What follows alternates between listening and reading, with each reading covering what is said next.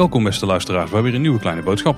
Ja, welkom weer bij een, eh, een nieuwe nieuwsaflevering van Kleine Boodschap. En voor ons ook een klein beetje eh, de afsluiting van een nieuwe podcastmarathon, hè Paul? Ja, we hebben er weer veel opgenomen, maar daar houden we het meeste nog van onder water.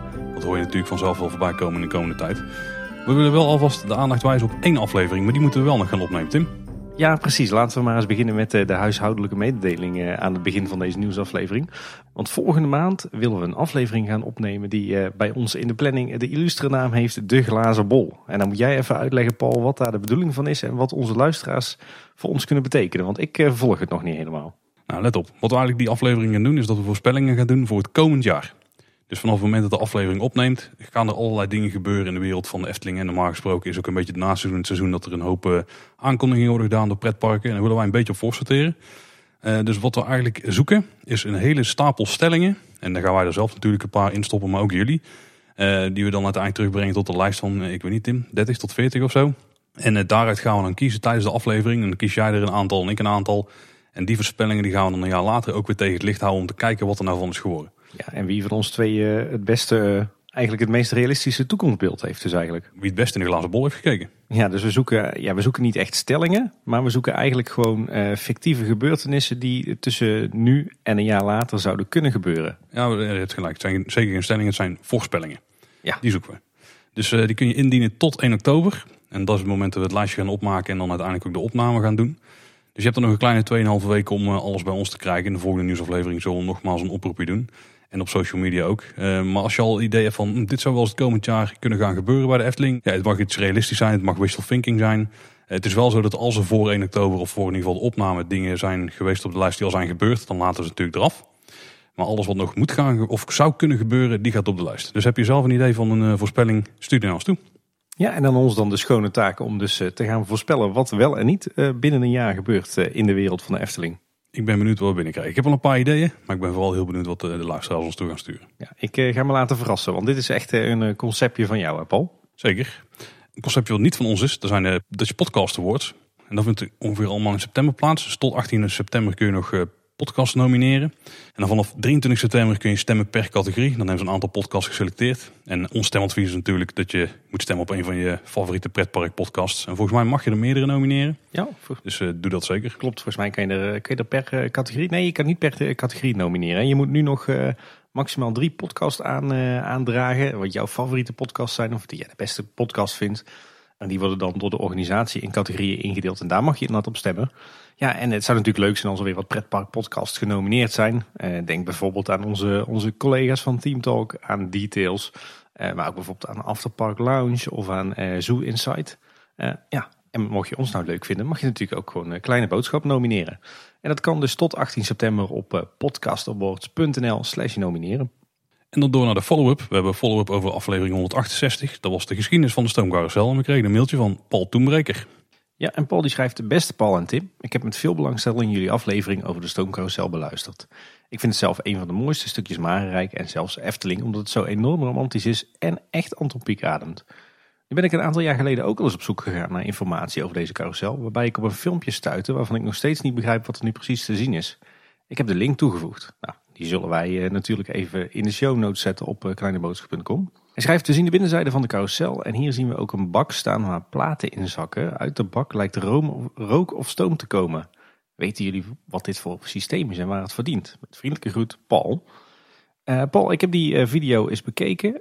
Dat zijn inderdaad hele oude beelden van, vanuit, ja, eigenlijk vanuit de put onder de stoomcarousel. Uh, daar kan ik wel bevestigen dat het daar zo uitziet. Alleen het is wel echt heel lang geleden. Want het is uh, inmiddels, uh, tenminste in mijn tijd dat ik er werkte en dat ik wel eens in die put kwam, was het al lang niet zo stoffig en smerig zoals op dat filmpje van jou. Dus dat is echt oud materiaal. en ik heb ook even naar die wonderlijke bak zitten kijken. En ik heb geweten hoe het precies heet of wat het, hoe het precies werkt. Het is net iets te lang geleden voor mij nu. Maar volgens mij moet je het zien als een soort ja, ouderwetse regelbare weerstand. Uh, die ervoor zorgt dat uh, de motor van de stoomcarousel heel geleidelijk optoert en aan het eind van de rit weer heel geleidelijk aftoert. Zodat je niet ineens op volle snelheid gaat draaien en uh, aan het einde van de rit stilstaat. Ja, eh, tegenwoordig heb je daar eh, frequentieregelaars voor. Eh, mooie apparaatjes. Als je wil weten hoe die werken, eh, dat is ook een verhaal apart. Maar dat vind je vast op Wikipedia. Maar die hadden ze vroeger nog niet. En eh, toen gebruikten ze wel eens van die bakken met water. En wat, wat zie je nou? Eh, ze laten er drie eh, ijzeren platen in zakken. Nou, water geleidt stroom. En hoe dieper die platen in die bak met water eh, zakken, hoe minder weerstand er is. Dus hoe harder de motor gaat draaien. En aan het eind van de rit trekken ze die platen er heel zachtjes uit. Waardoor de weerstand toeneemt. En, eh, en de motor dus ook steeds langzamer gaat draaien. Dus het is eigenlijk een soort eh, regelbare weerstand avant la lettre. En dan kan je vertellen dat die al heel lang niet meer zo in de Efteling staat hoor. Maar in het verleden werd dat, dat die techniek wel gebruikt. Ook bij andere draaimolens van de Efteling bijvoorbeeld. Dus een mooi stukje eh, elektrisch erfgoed, om het zo maar te noemen. Goed gevonden, dankjewel eh, voor de link. We kregen nog wat follow-up op aflevering 169. Daar hebben het, eh, dat was de vorige nieuwsaflevering, hebben we het onder andere gehad over eh Aquanura met de zachte G. En Benny Monen schreef er ook over. De Efteling was al eerder sponsor van Groots Junior van Guus Meeuwis. Efteling Kids Radio stond in het voorprogramma. En eh, Tim, dit hebben wij zelf al ooit ook benoemd in de nieuwsaflevering. Ik heb het er nog bijgezocht, aflevering 61. Ik kon me er weinig meer van herinneren. Nou ja, achteraf kwam het wel terug, maar eh, aangezien het al best wel lang geleden is, neem ik het mezelf ook niet heel erg kwalijk dat, eh, dat we dat op het moment van opname niet, eh, niet zo op konden lepelen. Maar inderdaad, er is dus wel degelijk al een connectie tussen de Efteling en Guus Meeuwis en zijn stadionconcerten. Dankjewel voor de tip, Benny. Hey, en in de vorige aflevering, nummer 171, Paul, bracht jij een bezoek aan Bram Elstak hè, in zijn tatoeagestudio. Zeker, ja. Jammer dat ik er niet bij kon zijn. Maar ja, wie gaat er dan ook een aflevering op zondagochtend opnemen? Nee, ja, de, Bram vertelt het zelf eigenlijk ook al wel. Maar Bram is eh, zo'n beetje een van de eerste Efteling-liefhebbers met wie ik eh, in contact kwam eh, toen ik rond het jaar 2000 eh, met Efteling-fans ging optrekken en het park inging. Dus de, dat was wel grappig. Bram die herinnerde dat zelf ook wel. Maar ik miste eigenlijk een paar vragen, Paul. Een paar kritische vragen, vooral aan jou. Aan mij. Heb jij zelf eigenlijk tatoeages? Nee, zeker niet. Daar werd ik wel licht op gehint eh, tijdens de opname.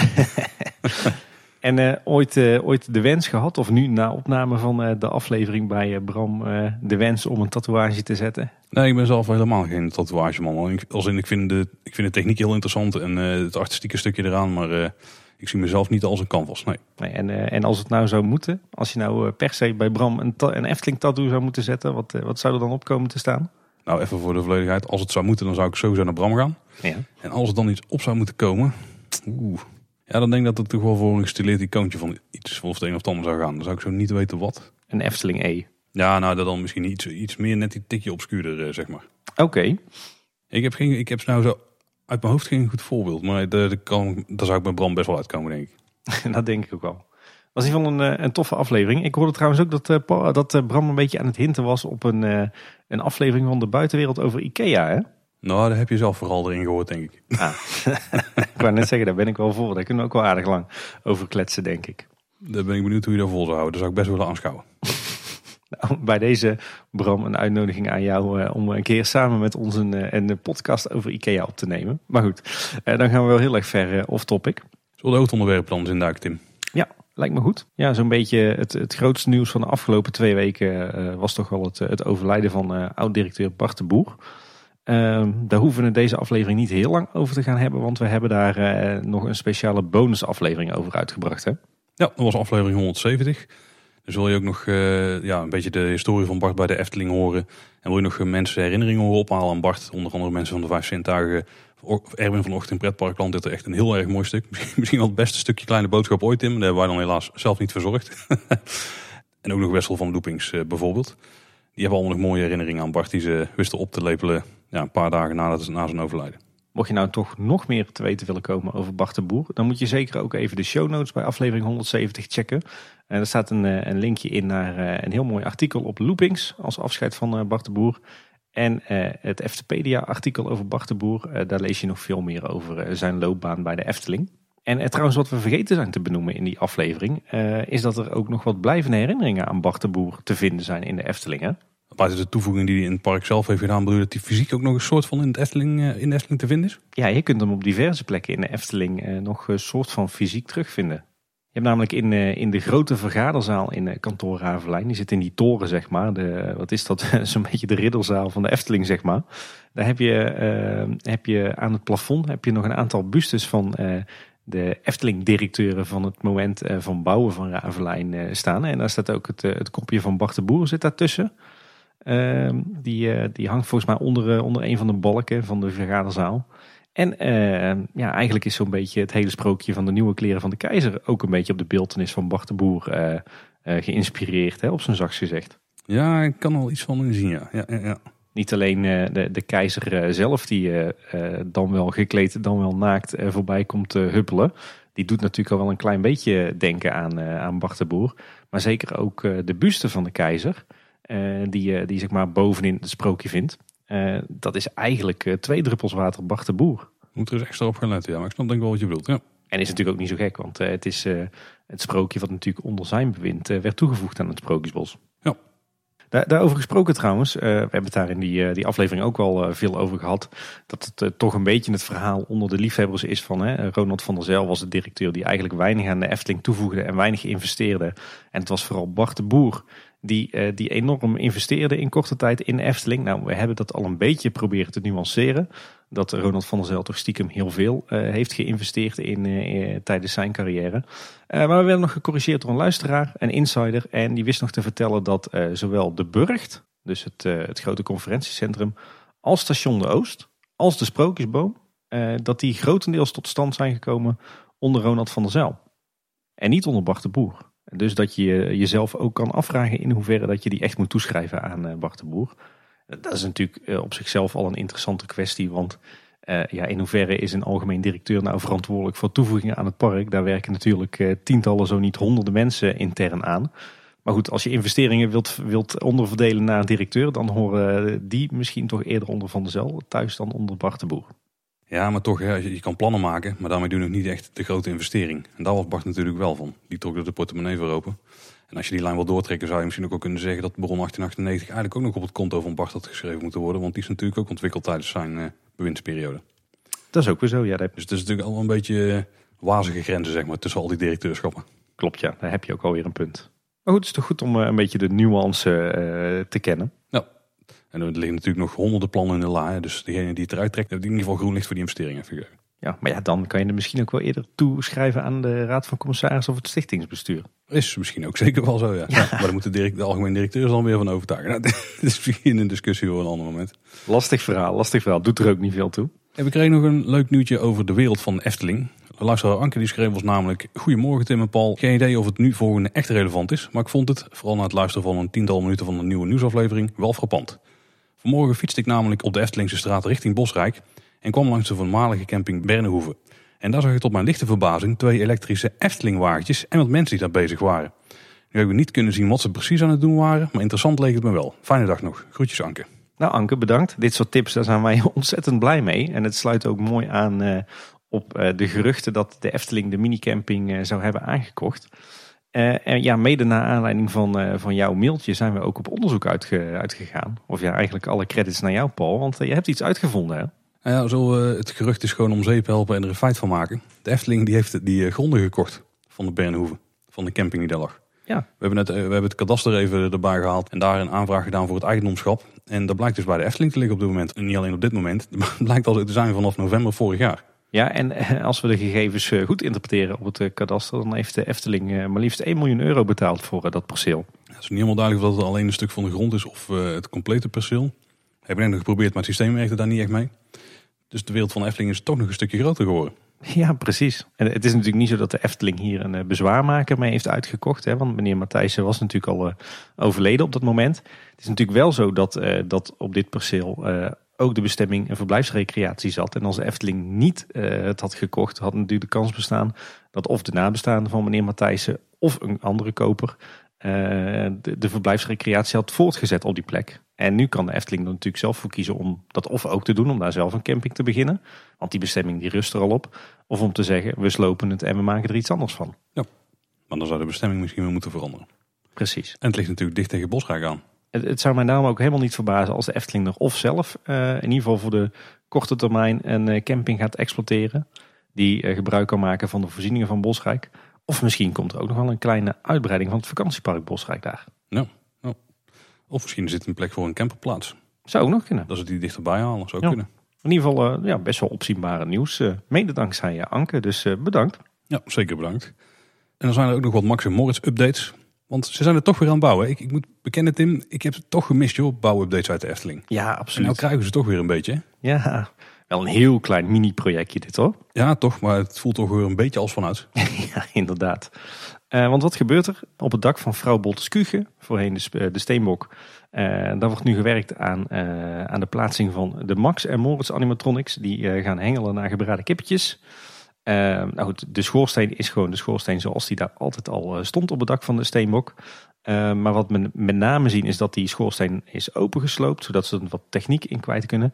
En onderaan uh, de schoorsteen, op de begane grond, zeg maar, op het terras van de, het voormalige terras van de steenbok, daar zijn ze nu een soort van ja, oven of braadstoof eigenlijk aan het bouwen. En dat doen ze weer ouderwets met, met betongaas, waar dan weer spuitbeton overheen gaat. en waar ze dan een soort ja, oventje of kippenstoof in maken. Hè? Ja, die krabben ze er gewoon uit. Wat me daarbij opviel is dat er een paar eh, flexibele buizen naar boven lopen. En dan had ik het idee dat kan voor twee dingen zijn. Of er komt daar een rookeffect nog. Ja. Of daar gaan de kabels doorheen lopen van de, de hengels, zeg maar. De touwen van de hengels. Eh, en, en daarvoor zouden ze flexibele buis nodig hebben, omdat die touwtjes niet precies naar beneden gaan. Want die uh, braadstoof die, die, staat wel verder naar voren dan dat, dat die stenen pilaar daar staat, zeg maar. Dus op die manier zouden de touwtjes wat naar voren moeten komen. Dus ik vermoed dat de kippen daar wel ook gaan bewegen of opgetild gaan worden in die stoof. Of er gaat dus gewoon een rookeffect komen, maar waarom heb je dan twee buisjes nodig?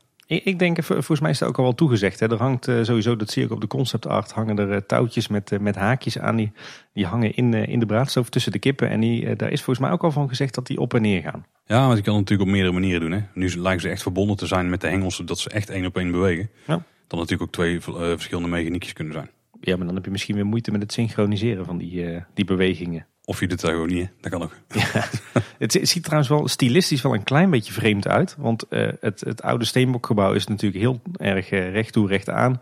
Zwitsers, een beetje die chaletstijl die het, uh, die het station van de Bob ook had. En daar plempen ze nu ja, zo'n hele grillige oven tegenaan. Die is uitgekrapt uit, uit spuitbeton. Dus het ziet er stilistisch een beetje raar uit. We hebben het niet gezien terwijl het af is. Dus misschien even kijken hoe het daar uitpakt.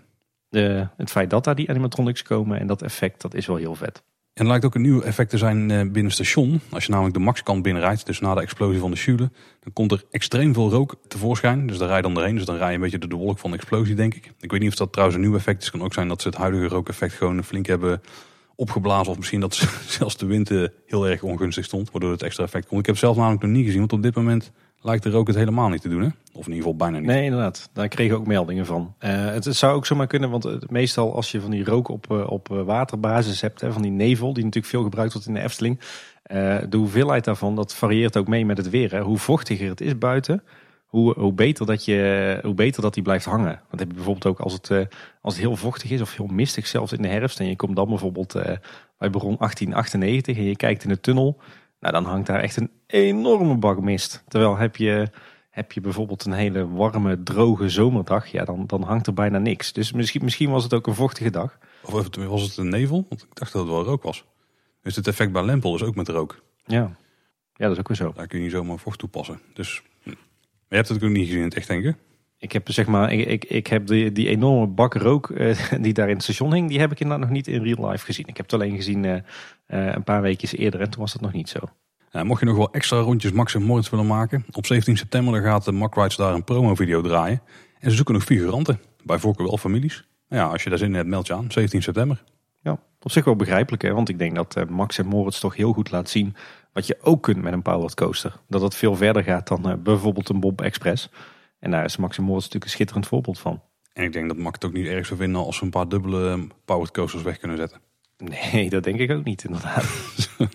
hey, en Paul, goed nieuws, want eh, de zomer is voorbij. We kunnen weer gaan genieten van de herfst. Alhoewel, oh, uh, rustig aan Tim. Komend weekend wordt het weer warm.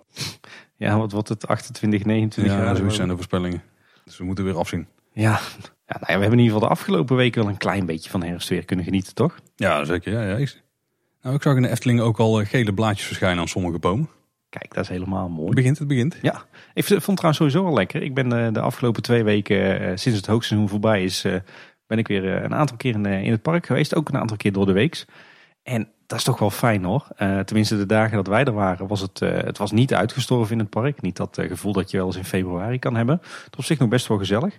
Maar eh, het was eh, stukken rustiger dan in het hoogseizoen. En het viel me ook op dat je bij alle attracties eh, zo naar binnen kon met eh 5, 10, 15 minuutjes wachttijd.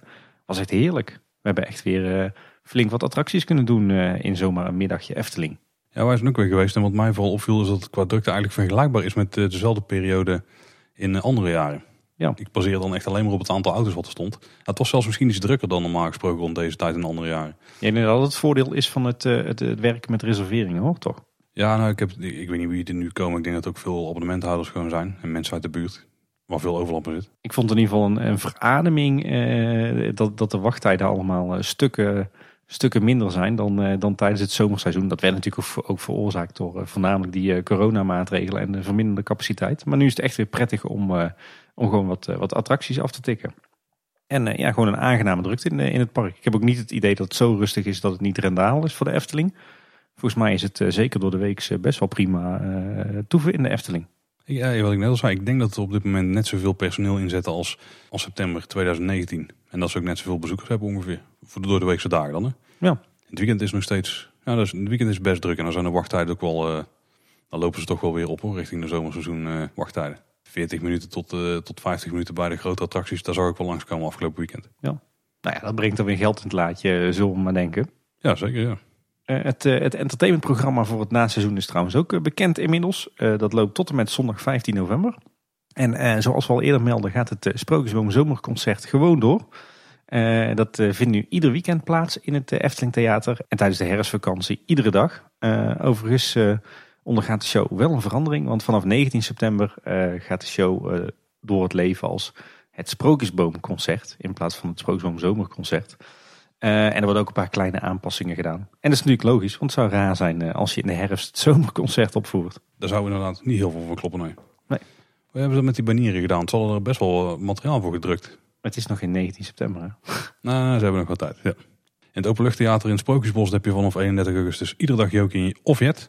En door de week, en dan behalve in de vakanties natuurlijk, dan kun je er ook de Sprookjesbosbewoners treffen. En in het weekend staat er de Sprookjesbrug klaar. Ja, moet zeggen, ik heb inmiddels een showtje van eh, Jet gezien in het Sprookjesbos Theater. En eh, dat is toch best, eh, best leuk eigenlijk. Ik heb die nog niet gezien. Ik ben nou heel lang niet in dat theater geweest. Goed voor mij. Ja, voor, en voorheen was dat juist jouw pleisterplaats. Ja, ik zeg al, ik probeer het bewust te omzeilen tegenwoordig. Ja, thematisch is het wel een beetje raar, Jet in het Sprookjesbos. Maar dat, dat legt ze wel op een hele leuke, creatieve manier uit. En nou, het is gewoon een hele leuke, korte show. waar echt ook de afstanden goed worden bewaard tussen de gezelschappen onderling. Dus zeker een aanrader als je houdt van de Jokie en Jet IP. En de aangepaste Ravelijn Show, want die draait ook nog steeds. Ja. En die blijft ook gewoon draaien. Is dat ook een aanrader? Ehm, als je normaal gezien Ravelijn-fan bent, dan eh, ga je deze ook leuk vinden. Als je normaal gesproken eh, al niet zo van Ravelijn bent, dan zou ik zeker niet naar de aangepaste corona-versie gaan. Want eh, dan vind je dat verschrikkelijk, denk ik. Ik heb hem nog steeds niet gezien. En ik denk dat ik het ook even zo hou. ja, dan val jij onder die laatste categorie. Ik denk dat ik toch onder die eerste categorie ook wel een klein beetje val. eh, want we waren blij om weer, in ieder geval weer iets van Ravelijn te zien. Alhoewel ik niet zou weten of dat ik er nu een klein uurtje voor over zou hebben hoor. Ja, voor het hele traject van eh, reserveren, wachten, seaten, showtje kijken en weer weg. Precies. Oeh, een uur klinkt maar ook wel zo heel zwaar. Maar eh, ja, al met al, voor een, zeker voor een naseizoen, volgens mij best wel een vol eh, entertainmentprogramma. Want je wordt ochtends ook nog gewoon verwelkomd door de Sprookjesbosbewoners. En aan het eind van de dag eh, heb je de uitzwaai door eh, Pardoes of Pardijntje. Volgens mij wel alleen in de weekenden, want ik heb ze van de week eh, niet gezien. Maar ja, voor eh, Efteling begrippen in het naseizoen best wel veel shows en entertainment nog. Het programma staat best vol. Het is al wel een beetje jammer dat ze dan weer de reclame maken van check het entertainmentprogramma. En dat eigenlijk gewoon hetzelfde is als in de zomer. ja. Dus het ging niet heel anders. Het is ook niet heel erg bijzonder wat er staat of zo. Nee, ja, het, het een, ik denk wat, wat echt meer is dan normaal in andere jaren is dat, dat Sprookjesboomconcert. Hè? Een show, eh, een gratis toegankelijke parkshow in het Efteling Theater. Ja, dat hebben we natuurlijk al jaren niet meer gehad. In het blok wordt heel vaak genoemd. We hebben drie grote parkshows. Er zijn natuurlijk Ravelijn, dat noemen ze dan een grote show. eh het Sprookjesboomconcert en Aquanura natuurlijk. Ja. Want daar adverteren ze natuurlijk ook mee hè, dat dan eh dat Aquanura met de zachte G ook in het naseizoen een van de onderdelen is. Ja, daar wordt trouwens al hard aan gewerkt, of althans eh, op de Theatervlonder. daar is nu een tijdelijke unit neergezet van Boels. Ehm, Zo'n zo'n bouwkeet, zeg maar, maar dan eentje waar eh kozijntjes in zitten met, eh, met ruiten. Het ziet er een beetje uit als het glazen huis van eh, 3FM. Ja, inderdaad. is ook niet het gebouwtje wat ze gebruikten voor Efteling Kids Radio. Toen hij op het Dwarrelplein stond. Ja, volgens mij wel. Zo'n zo'n unit is het wel. Of het zijn er twee, een dubbele. Maar daar gaan natuurlijk de mensen van wet in zitten na sluitingstijd om die nieuwe show te programmeren. Dus daar zijn ze nu ook mee bezig. Dan worden ze in ieder geval niet wet. Op de Efteling blog stond ook een artikeltje viert de Efteling Halloween. Nou Tim was het antwoord. Nee, Met vriendelijke goed vleur. was best wel ad rem, ja. Dat was, de titel was inderdaad groot. Viert de Efteling dit jaar Halloween? En het antwoord was nee, ook dit jaar vieren we geen Halloween.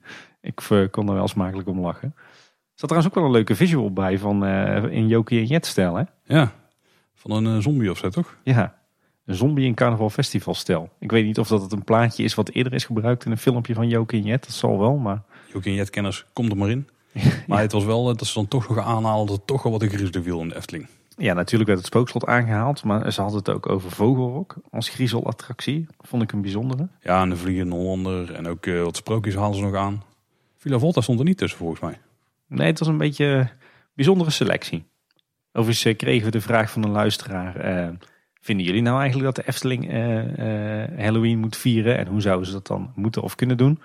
Eh, maar wil je dat weten, dan eh, moet je een heel eind terug in de geschiedenis. Want aflevering 46 gaat over de viering van de seizoenen en feestdagen in de Efteling. En daar, eh, daarin hebben we ook een tijdje stilgestaan bij de vraag... vinden wij nou dat, je, dat de Efteling Halloween moet vieren? Dus ga lekker luisteren naar aflevering 46 van Kleine Boodschap als je dat wil weten. Een ander project waar we het een hele tijd niet over hebben gehad. Waarschijnlijk ook omdat de Efteling het zelf niet uitvoert.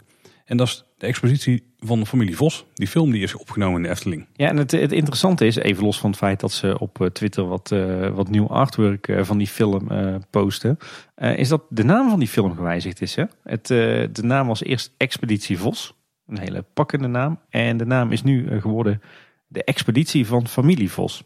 Ja, Minder pak. er zijn altijd van die marketingbeslissingen. De, je het proces hebt meegekregen, is het waarschijnlijk best logisch. Nou, ik kan me voorstellen dat, hè, het- op zich vind ik Expeditie Vos een veel pakkender eh, naam. Maar goed, eh, ik denk dat mensen dan toch denken van, oh dan zal het wel een animatiefilm zijn met dieren, eh, meneer Vos.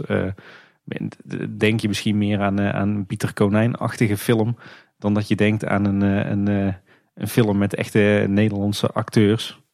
Dus misschien dat ze daarom de titel van de film wel gewijzigd hebben.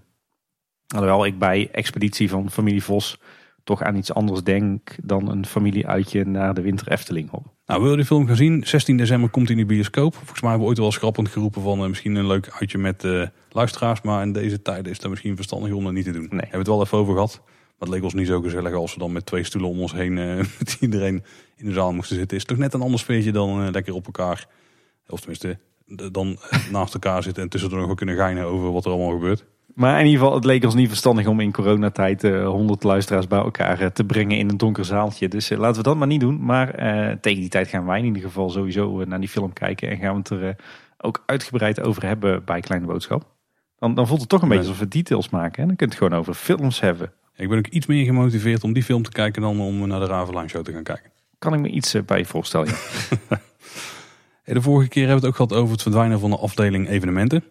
We kregen een vraag over van luisteraar Dirk. En die vroeg eigenlijk van wat zou nou alternatieve of permanente invulling van de ruimtes kunnen zijn die vrijkomen in het park. Ja, want Efteling die zegt zelf dat er, eh, dat er 30 ruimtes leeg staan op dit moment. Dat vind ik heel creatief geteld. Want ik kom bij lange na niet aan 30 evenementenlocaties. Nou, volgens mij zijn er in het Efteling Hotel in theorie al een stuk of zes. Ja, als je alle, alle vergaderruimtes apart gaat tellen, inderdaad, ja. Dirk die vroeg dus van, hè, eh, wat zou je dan met die, die ruimtes kunnen doen? Denk bijvoorbeeld aan het Carouseltheater, denk aan de feestzaal van Droomvlucht, denk aan het uh, Vader evenementencomplex. Uh, maar voordat we die vraag kunnen beantwoorden, uh, we hebben toch nog wat meer informatie gekregen van de Efteling hierover. Ook, ook weer wat nuancering. Um, want het is niet zozeer dat de Efteling helemaal stopt met het organiseren van evenementen of het huisvesten van evenementen. Het is wel zo dat ze nu dus gestopt zijn met die aparte business unit. Maar dat wil niet zeggen dat er helemaal nooit meer evenementen plaats gaan vinden in de Efteling. Want het wordt zo dat de business units park en uh, hotels en resorts, dat die zelf uh, in de toekomst uh, evenementen kunnen gaan organiseren. Daarbij staan dan uh, het park of de resorts wel centraal. Maar dat betekent dus dat de ruimtes nog steeds gewoon gebruikt kunnen gaan worden voor feesten of evenementen. Kijk, en ik kan me voorstellen, hè, we, we, kennen die strategie van bij, bij evenementen de toekomst moet altijd het, het parkbezoek centraal staan. Is natuurlijk wel logisch, want als uh, de business unit park een evenement huisvest, kan ik me voorstellen dat ze zeggen van nou, uh, dan moet dat evenement ook wel iets opbrengen voor het park.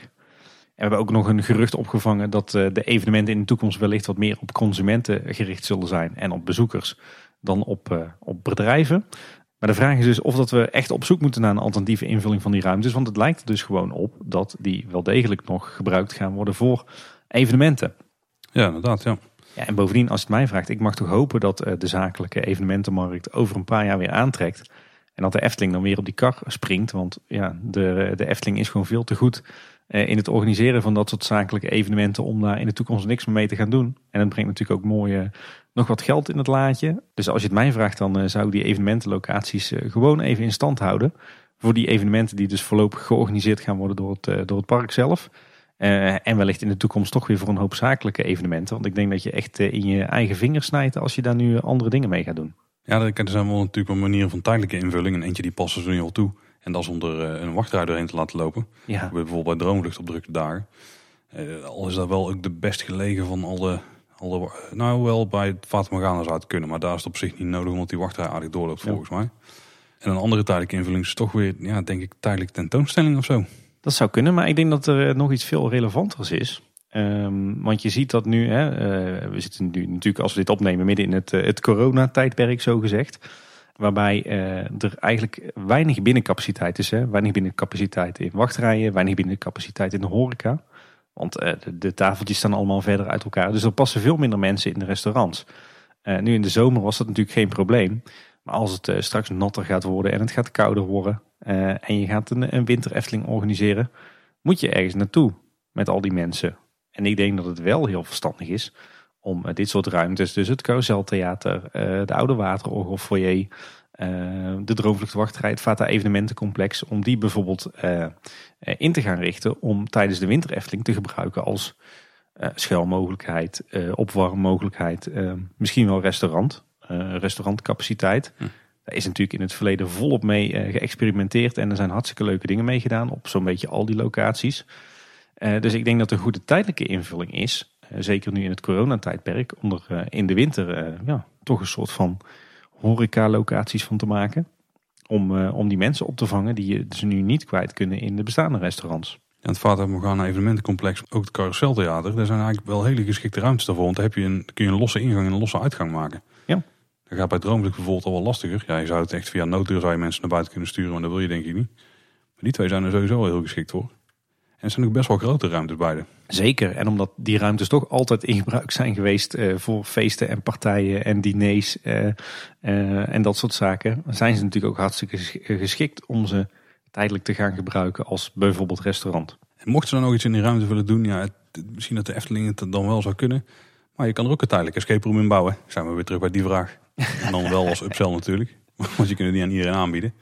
Maar dat zou ook nog een optie zijn. Nou ja, ik pleit ervoor om ze in de winter in te zetten als extra uh, overdekte capaciteit en extra horecacapaciteit. En buiten het winterseizoen om er gewoon uh, toch nog lekker als het even kan uh, wat evenementjes in te organiseren.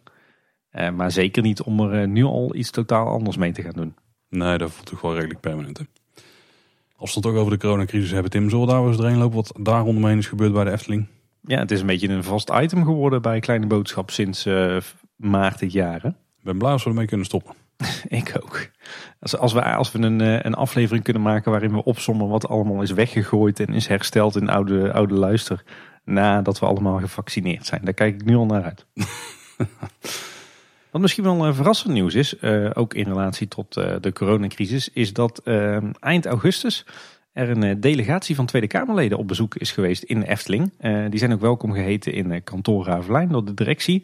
En er is onder andere gesproken over de coronacrisis en de gevolgen daarvan voor de Efteling en de hele sector.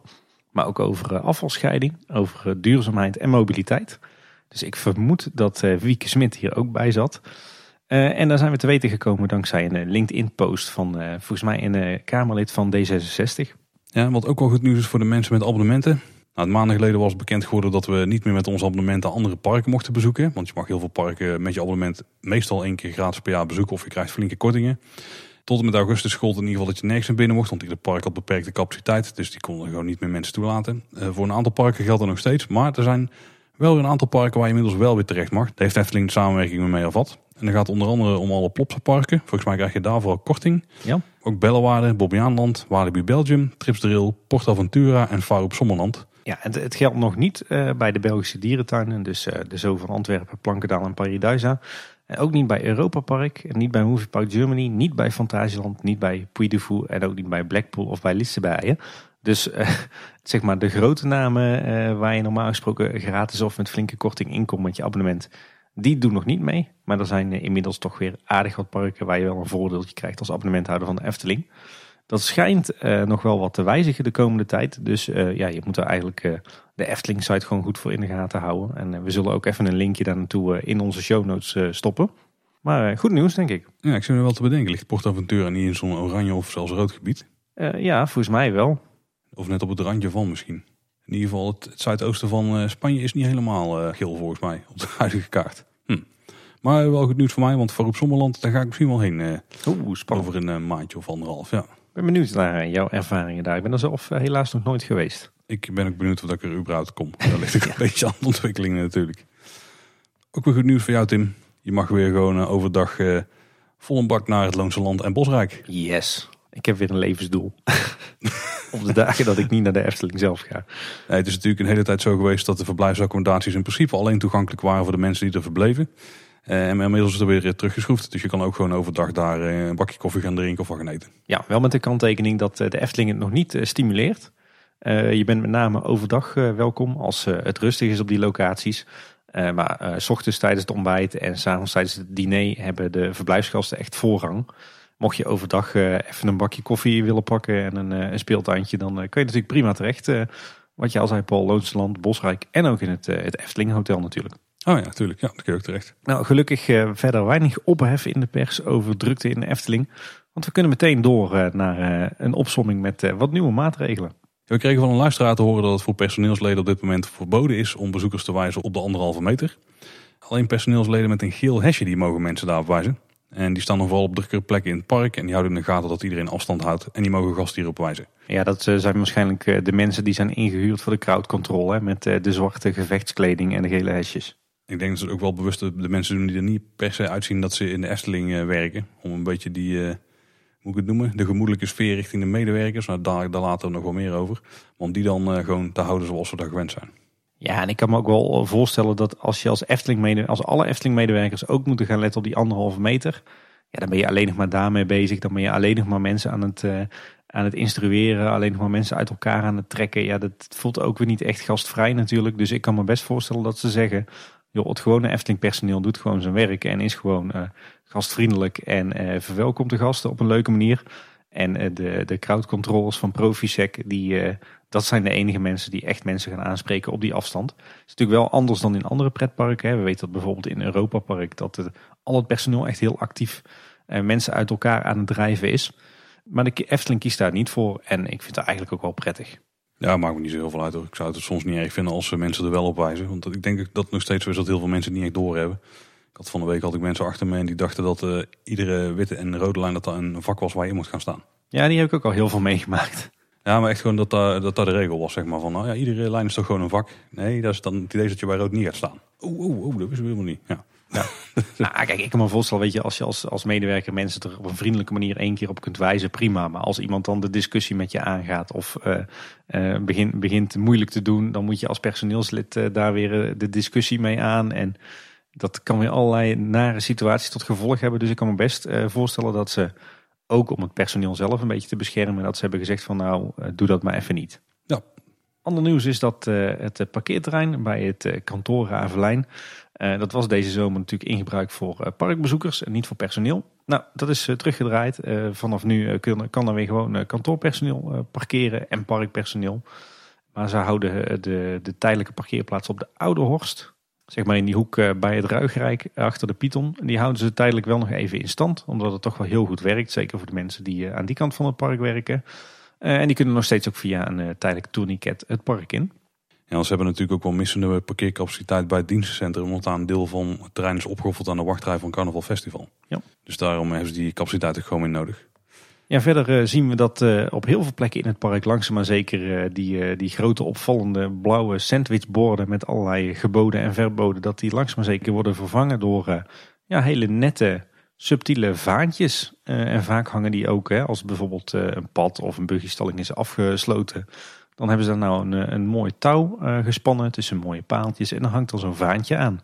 Dus dat ziet er een stuk netter uit dan rood-wit lint en, en zo'n klapbord, zeg maar. En je kunt inmiddels ook wat meer omroepen horen. Die door DJ Arnoud zijn ingesproken. Onder andere in de Python weten we dat er eentje is bijgekomen. Ja, het gaat ook over die, het bewaren van de afstand van die anderhalve meter. Heel netjes. Ik eh, heb laatst ook weer een, eh, een groot deel van de dag eh, voor de verandering weer een keer doorgebracht in het Ruigrijk. En het viel mij op dat er behoorlijk wat veranderd is weer rond station De Oost. Zo heb je daar nu ook een soort van toiletplein op het grasveldje, zeg maar, tussen station De Oost en de Python in. Op datzelfde grasveld hebben ze nu trouwens ook een, een tijdelijke personeelskantine neergezet van, van die tijdelijke unitbouw, weet je wel. Ja, de, het hele concept van De Oost met zo'n food court waar je bij allerlei winkeltjes uh, je eten kan gaan halen en dan samen opeten. Ja, dat is een beetje overboord gezet. Uh, want het is nu zo dat uh, de verse oogst, dus het winkeltje met de belegde broodjes, dat die dicht is. Dat je de hongerige, hongerige machinist, de frietent en de rustende reiziger, de plek waar je koffie en broodjes kan halen, dat je die alleen via de buitenzijde kan benaderen. Het treinstation is dicht, dus de stoomtrein rijdt gewoon alleen maar een heel rondje. En de brutale aap, waar je onder andere kebab kan krijgen en wachtruimte eerste klasse. Die kan je dan weer alleen via binnen bereiken. Dus zo proberen ze die bezoekersstromen uh, netjes uit elkaar te houden. En dat doen ze eigenlijk op een uh, ja, toch wel hele effectieve manier zo. die constructie met die trussen die ze ook hebben toegepast bij Vogelrok en Carnaval Festival bijvoorbeeld. Uh, die heb je ook bij de ingang van de Vliegende Hollander. Dus ook zo'n trusding met zo'n spandoek erboven dat daar de ingang is. Voor het festivalgevoel hè? Ja, zeker. Ja. Festival de Vliegende Hollander. Ja. Um, wat ook is aangepakt is een, eh, een, eh, een bottleneck in het Marenrijk. Je hebt natuurlijk de spoorwegovergang bij de Marskramer. Laten we vooral geen bottleneck noemen trouwens, want dadelijk komen ze met plannen om, om de boel daar flink te gaan verbouwen. En dat er wel juist een heel sfeervol hoekje is. Maar goed, er hangen nu hele nette bordjes op de, de kolommen van Metselwerk met de tekst. Komt er een trein voorbij, wacht dan aan de rechterkant. En alsof dat nog niet duidelijk genoeg was, hebben ze nu ook op de vloer, op het asfalt, van die enorme vloerstickers aangebracht. Uh, die dus ook weer uh, wederom aangeven dat je er in het rechtervak moet wachten. En het linkervak moet vrijhouden. Zodat als de trein voorbij is gekomen, dat je elkaar dan uh, netjes kan passeren zonder dat het één grote kluwen van mensen wordt. Want dat is in het coronatijdperk natuurlijk ongewenst. Hebben ze op een hele nette, duidelijke manier opgelost. En verder hadden we de vorige keer er ook al over dat, uh, dat er zo'n mooi hekje was gezet bij uh, de Zes Zwanen. Met daarop uh, alle veiligheidsregels en de verdeling over het slot en de zwanen. En datzelfde hebben ze nu ook eigenlijk gedaan bij Villa Volta. Er staat ook een, mooie, een hek met een mooi bord erop met alle regels in één keer bij elkaar. En ook de ingang van het Sprookjesbos, als je vanuit het Dwarrelplein komt. Daar hebben ze nu op die houten schutting hebben ze ook een heel mooi bord gemaakt. waar ze in één keer alle informatie die eerst op allerhande verschillende borden stond gewoon netjes eh, en in stijl hebben gebundeld. Ja, wat ook wel cool is om te zien is dat er een aantal Efteling-fans zijn die een eigen shirt hebben ontworpen. Om de werking van de rode en witte lijnen uit te leggen. En die, die uitleg staat uiteraard op je rug, zodat degene achter jou die kunnen lezen. En uh, daar hebben ze ook een ondertitel bij gezet. En die, uh, daarbij quoten ze onze grote vriend OJ Punctueel. Obey the rules. Ja, ik heb de, de foto's gezien. Staat trouwens ook op Loopings. We zullen de link ook weer even in de show notes zetten. Maar ontzettend gaaf gedaan. Want het is ook gewoon super duidelijk uh, wat ze op die t-shirts hebben gedrukt. Ja, goed gedaan. Ja, Efteling zou ze eigenlijk moeten gaan verkopen gewoon. ja, dat is misschien weer iets te veel van het goede. Ik heb inmiddels mijn pretparkgekkie mondkapje van uh, Loopings binnen. Ik vraag me toch af of dat ik nou ook zo'n uh, shirt moet willen hebben. ja, het is het enige nadeel is een beetje, kijk, komend weekend kun je hem prima aantrekken. Maar als het nou wat koeler wordt, dan moeten ze eigenlijk van die windjacks of zo gaan. ja. Ze moeten de, de merchandise line een beetje uitbreiden, denk ik. Of hoodies. Of hoodies, ja, ja, gaat ook prima. Maar heel vet gedaan in ieder geval. Echt, uh, echt uh, complimenten voor uh, dat clubje Efteling liefhebbers. Heel creatief. En zullen we dan eens iets gaan doen wat we eigenlijk niet zo vaak doen? Of tenminste, we praten er wel veel over, maar we hebben nog nooit echt een eigen blokje van gemaakt. We zullen een blokje geruchten doornemen. Ja, want we hebben wat, wat geruchten doorgespeeld gekregen vanuit de verschillende kanten. En die kunnen we toch niet helemaal onbespreekbaar laten. Ondanks dat we er wel de disclaimer bij willen plaatsen dat het natuurlijk geruchten zijn. Dus dat we niet weten in hoeverre dat dit waar is of dat het nog steeds actueel is en dat het werkelijk gaat gebeuren. Sommige dingen hebben we meermaals gehoord en ook uh, met soms maanden ertussen. En dan lijkt het toch wel op dat het die kant op gaat. Maar kan ook een lang rondzwevend gerucht zijn wat via verschillende mensen uiteindelijk weer opnieuw bij ons terechtkomt. Hè? Dus wat, wat de coronacrisis nog voor invloed heeft gehad, dat is altijd maar de vraag. Maar ik denk dat we nogmaals iedereen wel op het hart kunnen drukken. Uh, vind je Polka Marine nou heel erg leuk?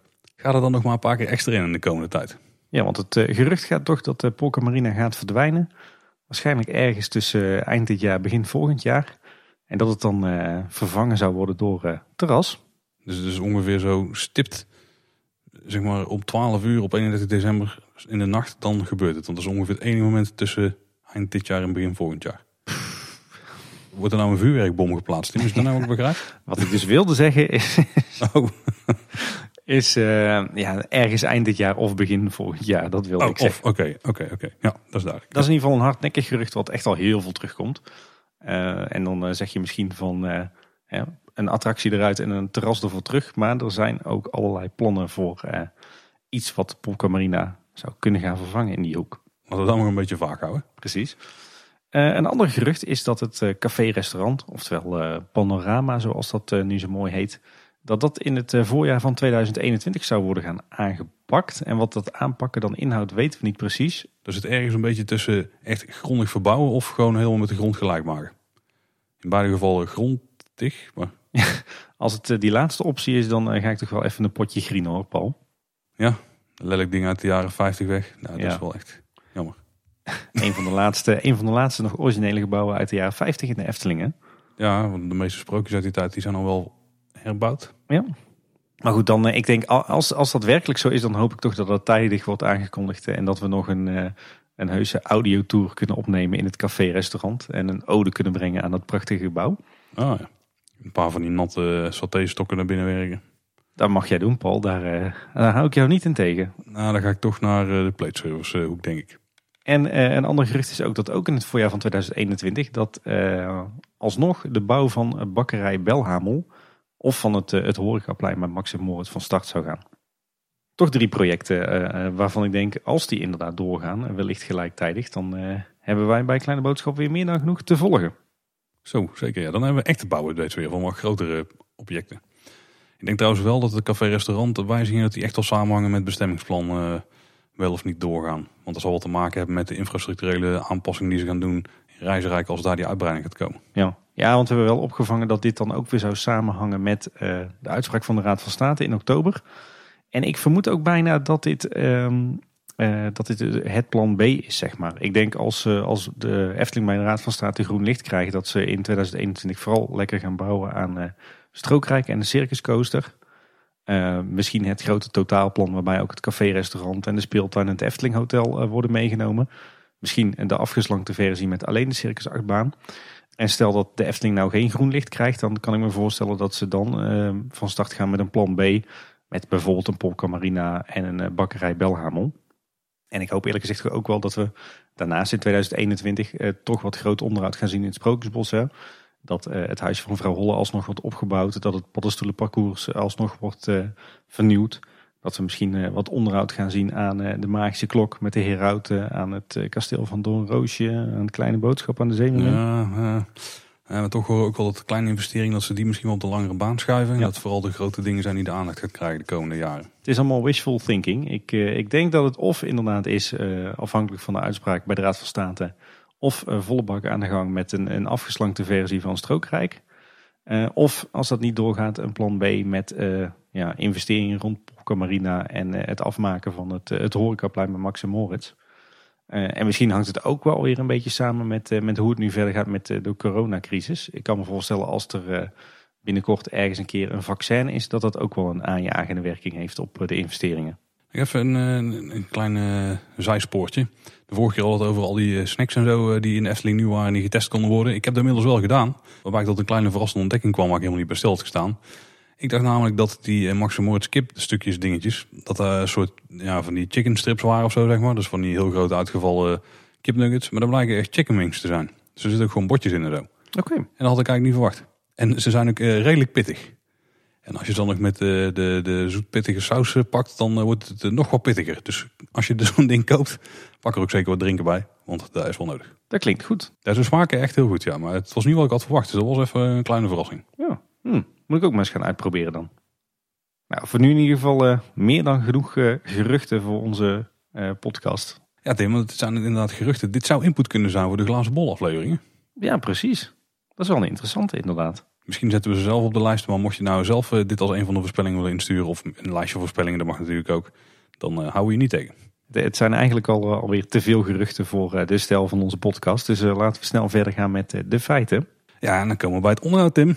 Ja, toch altijd weer een, eh, een hoogtepuntje in de nieuwsafleveringen, toch? Ja. we kregen allereerst eh, wat, eh, aardig wat follow-up op wat onderhoudspuntjes. Die we toch niet onvermeld mogen laten. Zo kregen we een berichtje van eh Eftel64 Remix. Mooie Twitternaam. Betreffende de glaasjes in het brouwhuis. Ook de vloeistof die erin hoort is al jaren geleden verdampt. En dat klopt inderdaad, want daar zat eh, in die, die glaasjes eh, op die, eh, die glazen vulmachine in Los Brouwhuis. Daar, daar zat een beetje een, een donkerrode vloeistof in. Een soort wijn of zo dat het moest voorstellen, gezien de druiven die daar worden geperst. En die is inderdaad al, al jarenlang verdwenen. Dus als het, het, het brouwhuis een keer een onderhoudsbeurtje krijgt en er worden wat glaasjes bijgeplaatst, dan moet er zeker ook even nieuwe wijn in. Kregen nog een berichtje van een insider, hallo heren, over de gemiste beplanting bij het volk van Laaf. Het was de bedoeling dat hier dit jaar nieuwe beplanting in zou komen, maar door de gevolgen van de crisis worden deze aankopen uitgesteld. Het is jullie misschien ook al opgevallen dat er dit jaar op een aantal plaatsen zomergoed ontbreekt, waar eerdere jaren wel zomergoed stond. Onder andere bij de groenborders van Polka Marine is er gekozen voor andere bloemsoorten. Over de lekkage bij de sprookjesboom kan ik vertellen dat het om een waterlekkage gaat. De kelder waar alle apparatuur staat is ondergelopen met regenwater. En daardoor moet eerst alle apparatuur worden vervangen en een oplossing worden gezocht voor de lekkage. Klinkt alsof het wel even wat tijd gaat kosten voordat het is opgelost. Ja, maar ik heb wel begrepen dat het, eh, dat het onderhoud van de sprookjesboom, of eigenlijk het, het herstellen van die schade, dat het wel op zijn einde loopt. Op. Dus dat het niet heel lang meer gaat duren voordat die eh, weer eh, begint met praten. In ieder geval een verhelderende feedback. En, we kregen nog wat informatie van de Efteling, want we hadden het er al over dat, dat een luisteraar had opgemerkt dat het Efteling Hotel begin 2021 een langere periode dicht zou zijn voor groot onderhoud. Nou, dat is inmiddels ook bevestigd door de Efteling zelf. Eh, we kunnen alleen nog niet melden waarom of wat er gaat gebeuren in het Efteling Hotel. Maar dat hoor je over een tijdje in een, eh, een special van Kleine Boodschap. En Fata Morgana is weer uit onderhoud. Het water in de boten zijn eruit gehaald, staakhal is vervangen. Er was regulier onderhoud gedaan aan animatronics en aan de installaties. En eh, die hele periode van onderhoud duurde van 31 augustus tot eh, 11 september. Ja, een week of eh, twee hè. Joris en de Draak eh, die is eh, al een paar dagen dicht vanwege onderhoud dat eh, in instantie niet op de planning stond. Het blijkt dat tijdens een periodieke inspectie onderdelen zijn, gevo- zijn gevonden die moeten worden vervangen. Met name dan hout. En Efteling geeft aan, dat is op zich niks geks, want daar doen ze nou net die inspecties voor. Nou. Dus er wordt wel lekker getimmerd. Verder wordt er ook nog gewerkt aan eh, Aquanura. Niet alleen aan het eh, programmeren van de nieuwe show, maar er vond ook weer wat klein onderhoud plaats in de fonteinbak. Daar werd wat eh, gerepareerd en vervangen aan onderdelen van de fonteinshow. En het viel mij op dat ze een aantal van die houten balustrades hebben gestut. Of hebben geschoord eigenlijk. Dus die blijken niet meer zo stabiel te zijn als ze zouden moeten zijn. Mark van Zoo Insight, de Nederlandse dierentuinpodcast, die wees ons er nog op dat kassa 18 en 19, rechts van het eh, Huis van de Vijf Zintuigen, dat die een eh, schilderbeurtje gehad hebben. En eh, mij viel nog op dat er wordt gewerkt aan het decoratieschilderwerk van de oliebollenkraam op het Dorpplein. Dan ook nog een, een update over het Sprookjesbos. Daar zijn ook nog wel wat interessante dingen aan de hand. Zo viel mij op als je het kasteel van Doornroosje oploopt. En je loopt naar boven, dan heb je aan je rechterhand een aantal bomen die zeg maar op, ja, op de heuvel staan eh, waar het kasteeltje ook op staat. En een van die bomen, een groene beuk, daar hebben ze iets bijzonders mee gedaan. Eh, die splitst namelijk eh, ongeveer ter hoogte van waar jij langs loopt, splitst die in twee stammen. En ik denk dat die uit elkaar dreigden te splijten. En daar hebben ze nu die twee stammen aan elkaar verbonden door er vier gaten in te boren. Daar draadeindjes in te stoppen en, en die aan beide zijden met grote ringen en grote moeren vast te zetten. Dus die boom, die beuk, die hebben ze als het ware een soort van eh, corset gegeven van staal. Om te voorkomen dat die, eh, dat die uitscheurt. Op zich wel een, eh, een mooie oplossing, denk ik. Beter dan dat ze die boom gekapt zouden hebben. Want het is best wel een mooie beuk. Je moet er maar eens op letten. Ziet er heel bijzonder uit. Hebben ze echt eh, mooi gedaan. Misschien zijn ze stiekem voorbereidingen aan het treffen op een uitbreiding van een familie van kniezorg. Denk het niet, hè? Liever niet. Wat me trouwens ook nog opviel. er is natuurlijk een tijdje geleden is er groot onderhoud geweest aan het Kabouterdorp. Waarbij ze een aantal eh, paddenstoelen onder handen hebben genomen. En eh, daarbij hebben ze ook een aantal hele leuke verrassingseffectjes toegevoegd. Met eh, kleine dieren-animatronics. En die hebben wij natuurlijk ook uitgebreid besproken bij Kleine Boodschap. Maar mij viel er van de week ineens eentje op die ik nog nooit eerder had gezien. Waar zat hij dan? Nou, ik zal het niet helemaal verklappen, maar je moet maar eens kijken naar eh, de schoorsteen van de, de grote paddenstoel. Waar de schrijvende kabouter in zit. Oké. is echt uh, even goed opletten, maar het is een heel leuk effectje. Um, verder, als we kijken naar uh, het onderhoud in het Sprookjesbos, viel nog op dat er diverse kleine defectjes waren bij Pinocchio in het huisje van Geppetto. Een aantal leuke kleine bewegingjes die het helaas niet doen. Hans, van Hans en Grietje natuurlijk, die heeft nieuwe kleding en een nieuwe pruik, wederom. Raakt licht geraakt. Die beweegt amper op dit moment. Beweegt al wat, maar lang niet zo soepel en, en zo uitbundig als normaal gesproken. En de waard in Herberg de Eersteling die is een muts kwijt. Waardoor je op een kaal hoofd met een ritsluiting kijkt. Dat is ook een beetje slordig. verder viel het luisteraar Maxime nog op dat het been van Repelsteeltje dat een beetje hoort te zwengelen. Dat die alweer stil hangt. En mij viel nog op dat de eerste kar van de nieuwe kleren van de keizer, klinkt ook een beetje oneerbiedig, waar de twee kleermakers voorbij komen lopen, die, die stuitert niet. Die rijdt alleen van links naar rechts. Terwijl ze horen natuurlijk allemaal te bewegen. En bij de Chinese nachtegaal vielen me ook nog twee dingen op. Sowieso dat weer geen enkele van de, motten in de lampjes het doen. Maar ook dat ze daar de hele brandmeldinstallatie hebben weggehaald uit het gebouw. Best wel verrassend, aangezien sinds dat de Efteling is gestopt met een eigen brandweer. Zie je overal, in, uh, althans in heel veel gebouwen, nieuwe brandmeldinstallaties verschijnen. En, en veel meer installaties ook.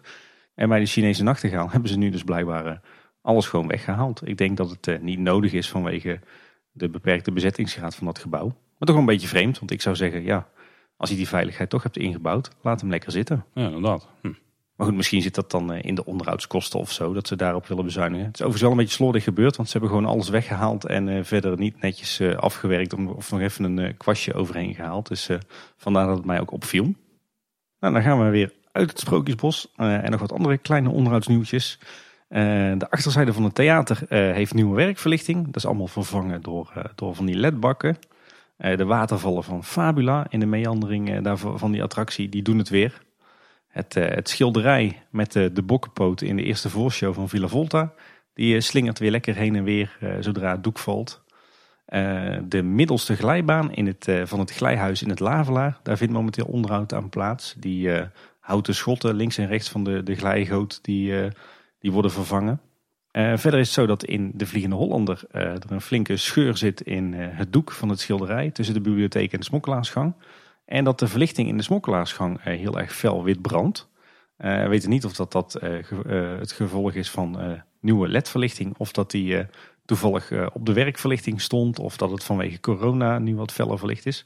Maar dat zag er in ieder geval minder sfeervol uit dan het daar hoort te zijn. Een ander defect wat al wat langer speelt volgens mij. Want het was mij ook al opgevallen.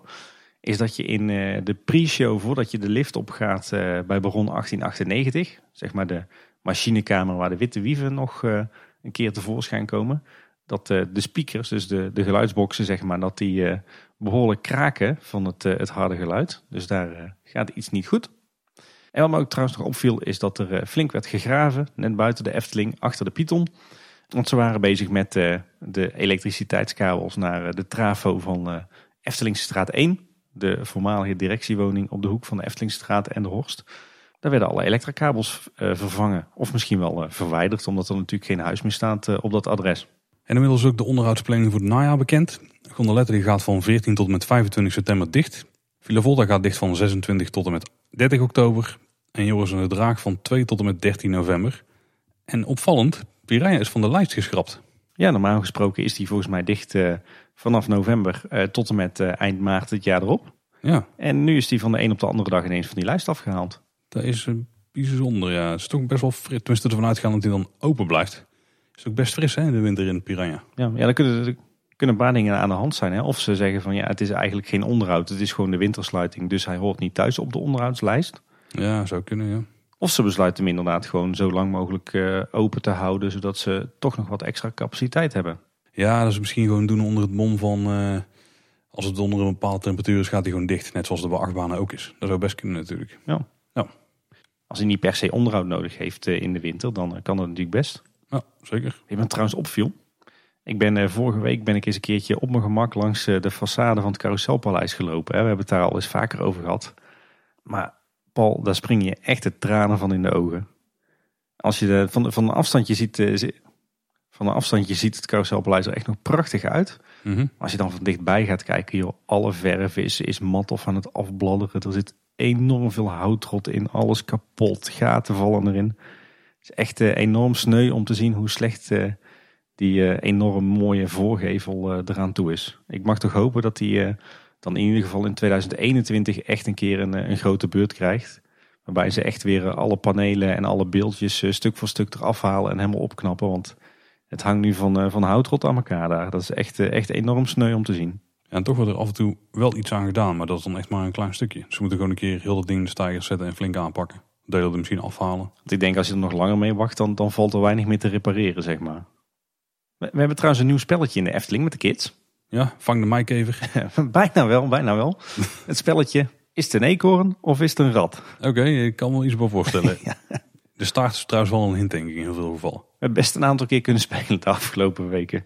En wat was het in veel gevallen? Hoop je? Eh, Denk je? 50-50. Ah, vi- Oké, dat valt, ah, valt me niet tegen dan misschien. Het was jammer geweest als het vooral richting eh, rat leunde, maar Er zitten toch best wel veel van die beesten momenteel in de Efteling. ja, nou, hopelijk is het volgende sprookje dan toch de rattenvanger van Hamelen. Lijkt me wel praktisch. En zullen we naar het kort nieuws gaan? Ja. Er is een nieuwe ochtendshow op Efteling Kids Radio en die heet Opstaan. Met de DJ's Arnoud en Mayoni. En die is 31 augustus begonnen tussen 6 en 9. En daarin eh, kun je luisteren naar nieuwtjes, het weer, de jarige, sprookjesboom die vertelt. Er zit meestal een prijsvraag in. Je kunt verzoekjes doen, je kunt de groetjes doen. Je hebt ook het grote Mayoni Efteling Weetjes Museum. Zoiets voor ons zijn denk ik, om die categorie, eh, of om dat rubriekje iedere keer te luisteren. Ja, precies. En de luisteraar van de dag. Dus eh, leuk voor de kids denk ik in de ochtend. En de Efteling Kids Radio Tim, die is genomineerd voor beste online radiostation. Wist je dat? Ja, bij de Online Radio Awards, hè? Ah, tuurlijk ja. ja. Maar wij dus niet echt genomineerd zijn afgelopen. Nee, nee, daar heb ik niks van gehoord in ieder geval. Ja, volgens mij is dit een vervolg wa- wat ze hebben gedaan bij Efteling eh, Kids Radio. En wij maken daar zelf ook gretig gebruik van. Is dat ze in, eh, in de lockdown zijn ze tussen, volgens mij tussen 10 en 4 iedere dag live gaan uitzenden. Hè. Efteling Kids Radio is normaal gesproken een beetje een mix van ja, eh, eh, een aantal uurtjes live radio. En de rest van de tijd zijn het gewoon eh, de playlists die spelen, zeg maar. Maar tijdens de lockdown zijn ze echt heel veel live radio gaan maken. Arnoud en Mayoni samen. En dat was volgens mij van 10 uur s ochtends tot 4 uur s middags. En daarna zat er ook nog een show van 4 tot 6 of van 4 tot 7 van een andere DJ. En ja, sinds, sinds alle kinderen weer gewoon naar school zijn gegaan, heeft een show van 10 tot 4 natuurlijk weinig nut. Dus volgens mij hebben ze nu gezegd van dat is zo goed bevallen bij iedereen dat ze er nu een ochtendshow van hebben gemaakt. Zodat er toch mensen naar kunnen luisteren. Eh, want als ik zo hoor wat jij allemaal voor onderdelen opsomt, dat zijn wel allemaal dingen die zijn ontstaan in, eh, in die middagshow tijdens de corona-lockdown. En eh, ja, dat was het tenminste, dat vonden wij thuis hier. Hartstikke leuk, die, die middagshow. De kids die luisterden daar heel graag naar. En stiekem is het ook best wel leuk voor volwassen Efteling-liefhebbers. Dus nou, ik ga toch ook maar eens die ochtendshow proberen nou. Ja, hij draait al. Heb je nog niet, eh, nog niet geprobeerd? Nee, nee, eigenlijk niet. Ik denk dat is omdat wij ochtends eh, nooit radio luisteren hier thuis of zo. Ja, dus even gedragverandering, zodat je dit eh, de volgende keer kan rapporteren. Precies. Mi- Misschien als, als de kids verkouden zijn en ze mogen niet naar de opvang en ze zitten de hele dag thuis. Misschien dat we dan eh, toch weer meer radio gaan luisteren. Tim, hoe zat er nou? De vorige keer had jij het erover dat jouw vrouw naar een sessie ging op Ravelijn en die gingen allemaal nieuwe eetideeën pitchen. Ja, nou ja, Anne is eh, daadwerkelijk naar Ravelijn geweest. Eh, heeft er drie kwartier eh, zitten kletsen met iemand van onderzoek. Maar het bleek uiteindelijk met name te gaan over plannen van de Efteling om een, een soort van keurmerk in het leven te roepen. Voor een soort van, ja, even tussen, tussen aanhalingstekens, beste keus in de horeca. Dus een, een, een keurmerk of een stickertje voor de producten die in dat horecapunt of in een bepaalde lijn van horecaproducten het, het, het meest gezond is, zeg maar. Een soort van, ja, die, die keurmerken ken je ook wel uit de supermarkt natuurlijk. En eh, ja, daar is de Efteling blijkbaar ook mee bezig. En eh, daar wilden ze wat, eh, wat keuzes over voorleggen. Maar ik geloof dat de helft van de tijd ook over andere horeca dingetjes ging hoor. Dus. Maar de aanleiding is in ieder geval dat, dat keurmerk. Heeft ze mijn super saté-schotel idee nog kunnen pitchen of niet? Nee, dat heeft ze niet gedaan. Balen. Oké. ik geloof vooral heel veel vega dingetjes en heel veel, dingetje, heel veel eten en drinken voor kleine kinderen. Ik geloof dat ze daar met name op gefocust heeft. Helaas. Dan eh, hoor, las ik ook eh, alarmerende berichten. Nou, dat viel trouwens wel mee. Maar ik las wat berichten op Twitter dat er nieuwe kroketten zouden zijn in de Efteling. Oh, en wat zou dat betekenen? Dat het een nieuwe vulling of gewoon een nieuw merk of iets in die geest. Misschien een andere leverancier of een andere samenstelling van de kroketten. Ik eh, heb het nog niet geprobeerd. Moeten we misschien maar even gaan doen. Zolang ze maar van de Bami-schuif afblijven of niet? Ja, Nou, ja. Die moeten toch gewoon klef zijn. Of maakt dat niet uit wie leverancier is, als ze maar klef zijn. Nou ja, dan, eh, dan pleit ik toch voor de, de kroketten en de bami schijven van Van Oers hoor. Zoals ze al jarenlang zijn. Dat zijn wel echt eh, meesters van klefheid. Wat eh, trouwens ook nieuw is, is dat er bij het tunneltje aan het begin van de parkeerpromenade, of het eind, het is maar net welke richting je oploopt natuurlijk, dat daar nieuwe bordjes hangen met daarop voetgangerstunnel, bromfietsers afstappen. En dat is ook wel nodig, want er komt geregeld een brommer of een scooter of een fiets door die tunnel gejakkerd. Ja, serieus? dat heb je toch wel echt niet begrepen. Oké. Eh, ik zal maar niet toegeven dat ik mezelf daar in het verleden ook eh, geregeld aan schuldig heb gemaakt. Ja, met de fiets dan. Ja, Oké, ik zie jou niet op een rommel daar vol gas erheen eh, racen. nee, ik ben niet echt het, eh, het type voor een brommer of een scooter, nee. Eh, de zes nieuwe miniaturen in de Luville collectie die zijn nu verkrijgbaar. Eh, de zes zwanen met echt ronddraaiende zwanen. Mooi detail. Paleis van de Fakir, het meisje met de zwavelstokjes, kniesoor, de heksenpoort en Pardijn die zijn verkrijgbaar. Eh, binnen en in de marskramer kun je ze kopen. Sommige zijn wel behoorlijk prijzig. hè? Ja, ze zijn behoorlijk prijzig. En ik hoor ook wel liefhebbers die zeggen van ja, als je ze van dichtbij bekijkt, dan zijn ze eigenlijk helemaal niet zo mooi. Maar ik geloof dat je, je kan ze ook online kopen, geloof ik, bij Luville. En ook bij eh, de Avri in, eh, in Dongen zijn ze weer te koop. Zijn ze dan goedkoper of prijzen zijn hetzelfde lijkt mij? Dat durf ik niet te zeggen. Ik weet wel dat, dat wij er weer een aantal online hebben besteld. Begreep ik daar straks van Anne. voor, de, voor de verzameling. En er nog vacatures? Ja, eh, langzaam maar zeker zijpelen er toch weer wat eh, vacatures doorheen. Ondanks een soort van vacaturestop vanwege corona. Zo zoeken ze nu een eh, online advertising specialist. Oké. Moest even opzoeken wat dat is, maar dat is dan iemand die zich ermee gaat bezighouden dat de Efteling in Google hoog oppopt als iemand eh, zoekt op eh, Amusement Park Holland of zo. Dat lijkt me dan weer een Search Engine Optimization Specialist. Ah, Is dit niet gewoon degene die de advertenties uitzet bij Facebook en eh, andere platformen en zo? dat zou ook kunnen, maar volgens mij is het wat ik net probeer te beschrijven, maakt volgens mij ook onderdeel uit van de. Ah, dat zou best kunnen. Ja, Maar dat is meer jouw eh, pakje aan, hè? dus eh, misschien moet jij gewoon even de vacature bekijken. ook niet echt. Eh, verder zoeken ze een medewerker salarisadministratie en er is ook nog een meewerkstage bij het eh, Efteling Contact Center, wat eh, vroeger de Trinkel heette. Dan groot nieuws voor eh, deze podcast, eh, want we mogen het er eindelijk weer over hebben. De F261, de fietsnelweg tussen Tilburg en Waalwijk, die, eh, dat is een project dat is helemaal opgeknipt tussen de drie gemeentes, Tilburg, Loon op Zand en Waalwijk. En binnen de gemeente Loon op Zand was het dan ook weer opgeknipt in een noordelijk, een midden en een zuidelijk deel. Nou, het eh, middendeel ter hoogte van de Efteling en het noordelijk deel richting Waalwijk, die waren inmiddels al aangelegd. En ze zijn nu deze week ook gestart met het zuidelijk deel. Dat loopt zeg maar vanaf ongeveer Tilburg Noord tot aan eh, de kruising van de Horst en de Eftelingse straat bij de Python. En eh, daar hebben ze nou eh, bomen gekapt, groen weggehaald, het tracé helemaal uitgezet. En zijn ze nu bezig met het, het Cunet, zoals het dan zo mooi heet. Dus daar komt nu ook weer een stuk fietsnelweg. De Vijf Zintuigen die heeft, eh, ik denk dat we moeten zeggen, eindelijk de terugblik geplaatst naar de Efteling Pubquiz 2020. Ik besefte me toen ik de videootje zag dat daar ongeveer het laatste evenement is wat ik heb gedaan wat niet op anderhalve meter afstand was. Ja, ik heb daarna nog de, de, de persbijeenkomst gehad bij Max en Moritz tijdens de bouw. Maar eh, toen waren er al wel wat voorschriften. Toen mochten we elkaar al niet meer de hand schudden. Maar eh, klopt ja. Als je goed kijkt, dan kun je ons volgens mij beide zien zitten. Ja, we zitten er allebei ook eh, in. Het is een leuke, leuke aftermovie weer. Ja, zeker. Er zijn nog een paar projecten van Efteling-liefhebbers die we even in de kijker willen zetten. Dan hebben we eerst de, de Eftel Motica projecten van Arnie Tak. En die eh, automatiseert vooral volgens mij zijn hal heel veel. Heeft hij al verschillende programma's heb ik al langs zien komen van allerlei eh, ja, de, eigenlijk showtjes binnen de Efteling. Hè, voorshows of hoofdshows die hij probeert eh, na te bootsen. Ja, volgens mij Villa Volta, de, de voorshow, heeft hij alles gedaan. En hij heeft alles het, eh, al het eh, kasteel van de stiefmoeder van Sneeuwwitje heeft hij eh, al geprogrammeerd in zijn eigen hal, geloof ik. Ja, ja, ja, ja. Ja, dus als je dat nou tof vindt, check even zijn YouTube kanaal. We zetten een linkje in de show notes. En eh, wat we ook even willen aanhalen is het eh, Efteling toilet van Juri Dame. Heeft gewoon heel het toilet omgebouwd tot een eh, ja, bijna mini Efteling objecten. Ja, dat kan je wel stellen, ja. Maar altijd wel slim gedaan volgens mij. Kon ik weer makkelijk verwijderen als het nodig was. Maar het zag er wel eh, netjes afgewerkt uit. En volgens mij was dat ook eh, zo'n beetje de enige ruimte in huis die die mochten thematiseren naar de Efteling. Hè? Dat kwam wel naar boven uit, uit het artikel. We kregen een berichtje van een luisteraar en die vroeg zich af. ehm, er was een schuilkelder gevonden in de bossen bij Loon op Zand. Dat werd de Kraanwense Berg genoemd. En die vroeg zich af, is dit nou op Efteling terrein? Of op oud Efteling terrein? Ja, en daar ben ik eens uh, ingedoken. Want inderdaad, uh, jij zegt al Kravense Berg. Maar je, je moest goed, uh, goed naar het filmpje luisteren om erachter te komen wat, nou de locatie was. Ik heb er even bij gezocht. Het lijkt er inderdaad op dat die schuilkelder in de bossen ligt vlakbij voormalig Efteling-terrein. En dan helemaal het, het zuidpuntje van de wereld van de Efteling. Want volgens mij is het een beetje het hoekje met, met bosgebied wat grenst aan het oude Kraanventterrein.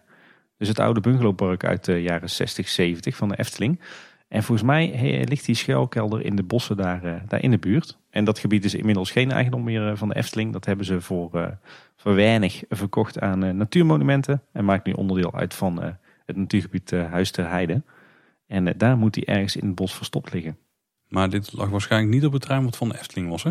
Nee, dat, dat denk ik eerlijk gezegd niet. Kraanwensenberg ligt weer net wat meer uh, zuidelijke richting, uh, richting Tilburg. Dus ik denk dat het bosgebied is wat er, uh, wat eraan grenst. Maar het leuke was, het was een schuilkelder uit 1943 die eigenlijk nog zo goed als intact is. Best wel intrigerende beelden, moet ik zeggen. Ja. We zullen een linkje naar de Facebookpagina waar dat filmpje staat, zullen we online zetten in onze show notes. En dan nog het nieuws over de Efteling, wat denk ik iedereen wel heeft meegekregen. Er was een incident bij de toiletten, bij de uitgang rond sluitingstijd. Er was altijd nogal verschillende kanten aan dit verhaal. Hè? In ieder geval de eerste lezing die we kregen is dat er een, uh, dame zou zijn geweest die uh, een autistisch kind had die naar het toilet moest. En daar zou niet meer mogen van uh, de medewerkers om daar te plaatsen. Nou, nou wat gedoe is uiteindelijk toch naar binnen gegaan en toen werd ze nog nageroepen op een vervelende racistische manier. dat is het ene verhaal. En vanuit de medewerker van de Efteling blijkt het verhaal weer anders te liggen. Ook wat ooggetuigen die zeggen weer wat anders, maar die hebben misschien weer niet alles meegekregen. Ik vind het wel lastig in zo'n situatie. Want er zijn natuurlijk meerdere kanten van het verhaal. Er zijn geen opnames van, er is dus niet echt bewijs. Ja, dan is het het ene woord tegen het andere woord. Ik dat iedereen het zo doet voorkomen dat hij er zelf goed uitkomt. Lastig verhaal, Tim. Ja, ik denk dat het typisch zo'n situatie is waar zeg maar, eh, gastvriendelijkheid langzaam maar zeker overgaat in uh, omgang met agressie. Uh, en dat is altijd een heel lastig gebied. Kijk, het verhaal was inderdaad de, de toiletdame die was aan het schoonmaken rond sluitingstijd. Hè, die meestal worden dan om en om de toiletgroepen afgesloten. En in dit geval ging volgens mij het toilet dicht en werden die mensen verwezen naar, eh, naar een andere toilet. Misschien die aan de buitenzijde van het huis van de vijf zintuigen. Uh, daar ging die bezoekster, uh, die, die kon daar niet mee leven, want haar, zoontje moest heel erg naar de wc. En die heeft haar zoontje toen toch inderdaad richting het toilet gestuurd. Die toiletdame die, die vond dat natuurlijk geen stijl, kan ik me ook voorstellen. En ja, dan wisselen de, de verhalen inderdaad wat je al zei. Er zijn verhalen die zeggen van dat uh, de, bezoekster uh, uh, de medewerkster soort van mishandeld zou hebben. Dan moet je denken aan, duwen en zo. De medewerkster die zou op haar beurt dan weer een, een racistische opmerking gemaakt hebben. Ja, wat je al zegt, het is lastig. maar het is in ieder geval een situatie die geëscaleerd is. Um, en waar het inderdaad heel moeilijk van is om de waarheid van te achterhalen. Ik vind wel dat de Efteling wel heel netjes heeft gereageerd. aan de ene kant zijn ze wel vierkant achter de eigen medewerker gaan staan. Wat je als werkgever denk ik altijd moet doen. En aan de andere kant hebben ze ook gezegd van nou, we vinden het allemaal wel heel vervelend en we zoeken het uh, uit. Ja, wat ik zeg, het is lastig in deze branche. Uh, ik heb dat zelf ook wel gemerkt bij de Efteling toen ik daar werkte. Maar ook bijvoorbeeld later bij Ahoy. En nu eigenlijk ook wel bij de gemeente waar ik werk. Als je in dit soort sectoren werkt, dan ben je altijd heel erg gastvriendelijk en dienstbaar. Um, maar er komt een moment, dan houdt het ook wel een beetje op. En ik heb ooit bij een agressietraining in de Efteling... Uh, eh, een mooie spreuk eh, te horen gekregen eh, die dat wel handen en voeten geeft. Volgens mij was het van Frans Gounet, die doet al dat soort mooie uitspraken. de klant is koning, zolang de klant zich als koning gedraagt. En ja, wat eigenlijk wil zeggen, je moet altijd gastvriendelijk zijn totdat er echt sprake gaat zijn van agressie. Ja, en dan moet je dat een halt toeroepen. En ik denk dat, dat dit inderdaad, dat dit incident op dat, dat snijvlak lag. Waar de gast zich echt beroept van ja, ik ben toch de gast en de klant is koning. En de medewerker eh, waarschijnlijk zegt van ja, op het moment dat er eh, iemand eh, instrumentele agressie gaat toepassen, dan is het tot hier en niet verder. Ja, en dat ontaart dan in, in, in zo'n incident waarbij beide partijen aangifte doen, allebei met een andere lezing. Ja, en dan wordt de pers erbij betrokken, dan worden de advocaten bij betrokken en dan wordt het allemaal heel vervelend en dan zijn er alleen maar verliezers. Maar ik was wel op zich positief verrast door ja, de reactie van de Efteling die eigenlijk beide kanten van het verhaal wel uh, aandacht schonk. Dus ja, ben benieuwd uh, of we hier nog wat van horen. Ik hoop eigenlijk dat het uh, ja, met een sisser afloopt. Ik heb begrepen dat de Efteling wel de dame in kwestie heeft uitgenodigd voor een gesprek. Uh, wel over een vervelend staartje was op die avond zelfs dat zij in de, volgens mij vastgehouden is geweest door de politie. Een aantal uren, volgens mij bijna heel de nacht. Dat is natuurlijk niet echt fijn als je gewoon een dagje Efteling bent gegaan. Uh, ik, ik vind wel overigens dat de, je zei de Efteling die ging uh, en die moet vierkant achter de medewerker gaan staan. Ja, er ligt er wel aan wat daar echt is gebeurd. Daar hebben ze volgens mij ook wel onderzoek naar gedaan. Als er dingen zijn geroepen die volgens de gast waren geroepen, dat is natuurlijk niet goed. En dat zou ook in zo'n situatie door een Efteling medewerker gewoon niet moeten gebeuren. Of eigenlijk door niemand niet. Maar er zijn ook wat uh, getuigen wel naar voren gekomen, hadden wij begrepen, die het verhaal van vooral de medewerker onderschreven. Ja, en reken maar dat als uitkomt dat uh, er daadwerkelijk racistische dingen zijn in groepen, dat de medewerker in dat geval op, op zijn minst ook een officiële waarschuwing krijgt. Hoor. Daar ben ik ook wel zeker van. Punt is natuurlijk, als medewerker zeg je altijd dat, dat je dat niet hebt gedaan. En dan, ja, hoe ga je er dan achter komen dat er wel echt is gebeurd? Want het kan ook zachtjes zijn gebeurd op zo'n manier dat alleen die persoon het kon horen. Dus dat, dat blijft natuurlijk altijd een beetje zo'n lastig te bespreken punt. Maar ja, je kunt iemand recht in de ogen kijken en het vragen en dan uh, gewoon ervan uitgaan dat ze de waarheid spreken. Ja, en sowieso is omgang met agressie ongelooflijk lastig. Ik heb er al zoveel cursussen in gehad en je ziet toch dat, dat iedereen daar weer op een andere manier uh, mee omgaat. De een die bevriest echt, de ander die schiet uh, terug in de aanval en weer iemand anders die slaat helemaal dicht of die rent weg. Dus het is toch lastig te voorspellen hoe mensen omgaan met, met agressie. Ja, zeker. En dan zijn we weer bij en dan is dit aangekomen, Tim. Ja. Ik heb wat kijktips. En we beginnen eens met eentje die dichtst bij, denk ik ligt bij hetgene wat wij hier doen. En dat is Team Park Science natuurlijk, al een paar keer getipt hier. En daarbij gaan ze de vraag beantwoorden, waarom gaan achtbanen in de middag sneller? Nou, dat gaan we natuurlijk niet verklappen. Maar kijk de video zeker even. Die link in de show notes is heel tof. Heel tof filmpje, ja. Dan het itempje wat iets verder van, van ons vandaan ligt. En dat is dat Wie is de Modder is begonnen. Vorige keer al aangekondigd natuurlijk. Jee. Maar het seizoen is, is lekker begonnen. Het is tot nu toe, het is zeker nog geen Wie is de Mol België. Dat is echt nog wel met mijlen beter dan wat we nu in Nederland te zien krijgen. Tenminste, wat mij betreft. maar het begint al wel meer die kant op te gaan. Het voelt als een wel oude seizoen van Wie is de Mol. Ja, wat een vette eerste aflevering zeg prachtige beelden van, eh, van Italië. Die, die schitterende muziek. Hè, van, eh, van echt van die maffia filmmuziek tot, uh, tot spaghetti westerns. En tot uh, Vivaldi. echt een gedroomde kandidatenlijst. Super toffe opdrachten met, die je nou eindelijk wel eens een keer begrijpt. mooie dubbele bodems, onverwachte gebeurtenissen. Ik vond het echt een super toffe aflevering. Ja, vooral. Die dubbele bodems moeten er gewoon in zitten. Dan niet zoals wat het lijkt. Dat was al een paar jaar niet echt meer van toepassing. En nu was het weer echt zo. Nu was dat weer zo, ja. En ook wel spellen met uh, wat doordenkmogelijkheden en zo. Wat je ook echt wel moest doen. Het, ging, het, ging, het gaat de goede kant op. Ik ben benieuwd naar de volgende afleveringen. Inmiddels hebben we allemaal weer de tweede aflevering gezien. Maar nog niet hoe we dit aan het opnemen waren. Zal ik trouwens een grappige anekdote vertellen? Wij hadden een paar weken terug, of eigenlijk maanden geleden, hadden we al een afspraak gemaakt met, uh, met vrienden die langs zouden komen die avond. Daar kwamen wij dus van tevoren achter van de eerste aflevering van Wie is de Mol. En we hebben ook met andere mensen afgesproken. Nee, we zouden om negen uur af uh, langskomen. Dus nou goed, hè, vooruit, toe dan maar. Dan kijken we wel het eerste half uurtje. En toen kregen we op een gegeven moment zo rond half negen. Ja, het wordt misschien wat later, want we moeten nog, uh, nog eten en we moeten nog even langs de supermarkt. Dus wij keken elkaar aan, Anne en ik. En onze reactie was, neem de tijd, doe lekker rustig aan. We hebben geen haast. Zodat je pas om tien uur bent. en uiteindelijk kwamen ze ruim na het einde van de aflevering binnenvallen. Dus uh, waren wij heel blij, want hadden we toch de eerste aflevering volledig live gezien. Ja, die hebben gewoon zitten kijken ook. En die hadden er een slechte smoes van gemaakt. ja, zou ook nog kunnen, ja. Want dan moest ook nog wel reistijd natuurlijk achteraan zitten. Nee, goed punt, Paul. Daar had ik niet aan gedacht. En heb ik nog eh, een laatste kijktip. Dit is de meeste ver weg van ons bedshow, eh, denk ik in ieder geval. En dat is uh, Ted Lasso. Nou Tim, daar zegt gouden handel. Die moet jij even uitleggen. Het is niet voor iedereen uh, te kijken op dit moment. Ja, je kunt het vast wel ergens online vinden. Apple heeft zijn eigen streamingdienst gelanceerd. Apple TV Plus heet het volgens mij. En als je iets van een, van een Apple-apparaat hebt gekocht in het afgelopen jaar, dan heb je een jaar daarvan gratis gekregen. Dus als je een iPhone of een iPod of een uh, Apple TV of net wat dan ook hebt gekregen of gekocht. En een van de series daar is Ted Lasso. Nou, dat is echt een, geniale serie, Tim. Dat is, het, is, ja, het is vooral een comedy-serie, maar eigenlijk is het gewoon een feel-good serie. En dat is iets wat ik toch wel mis op tv. Het is een serie waar bijna iedereen tegen elkaar aardig doet. Dat weet ze dan toch nog interessant te houden. Het is echt heel bizar, zeg maar. Iedereen maakt alles goed eh, met elkaar. Er zijn helemaal geen problemen eigenlijk. Ja, er is wel altijd een soort van iets wat overkomen moet worden. Maar vooral de hoofdpersoon is gewoon super positief. En niemand kan hem eigenlijk wel maken. En het hele concept is dat er dus een American voetbalcoach is.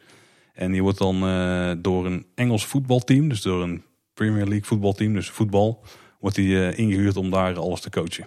En dat is natuurlijk op heel veel vlakken clash daar. Dus gewoon qua cultuur en überhaupt qua sport, want dat is niet zo heel vreemd. Uh, maar uiteindelijk zit er nog best wel een serieus randje aan de reden waarom dat allemaal zo is. Maar dat komt dan later uh, in, in de serie wordt wat duidelijker. Het is vooral een kijktip om even gewoon lekker weg te kijken.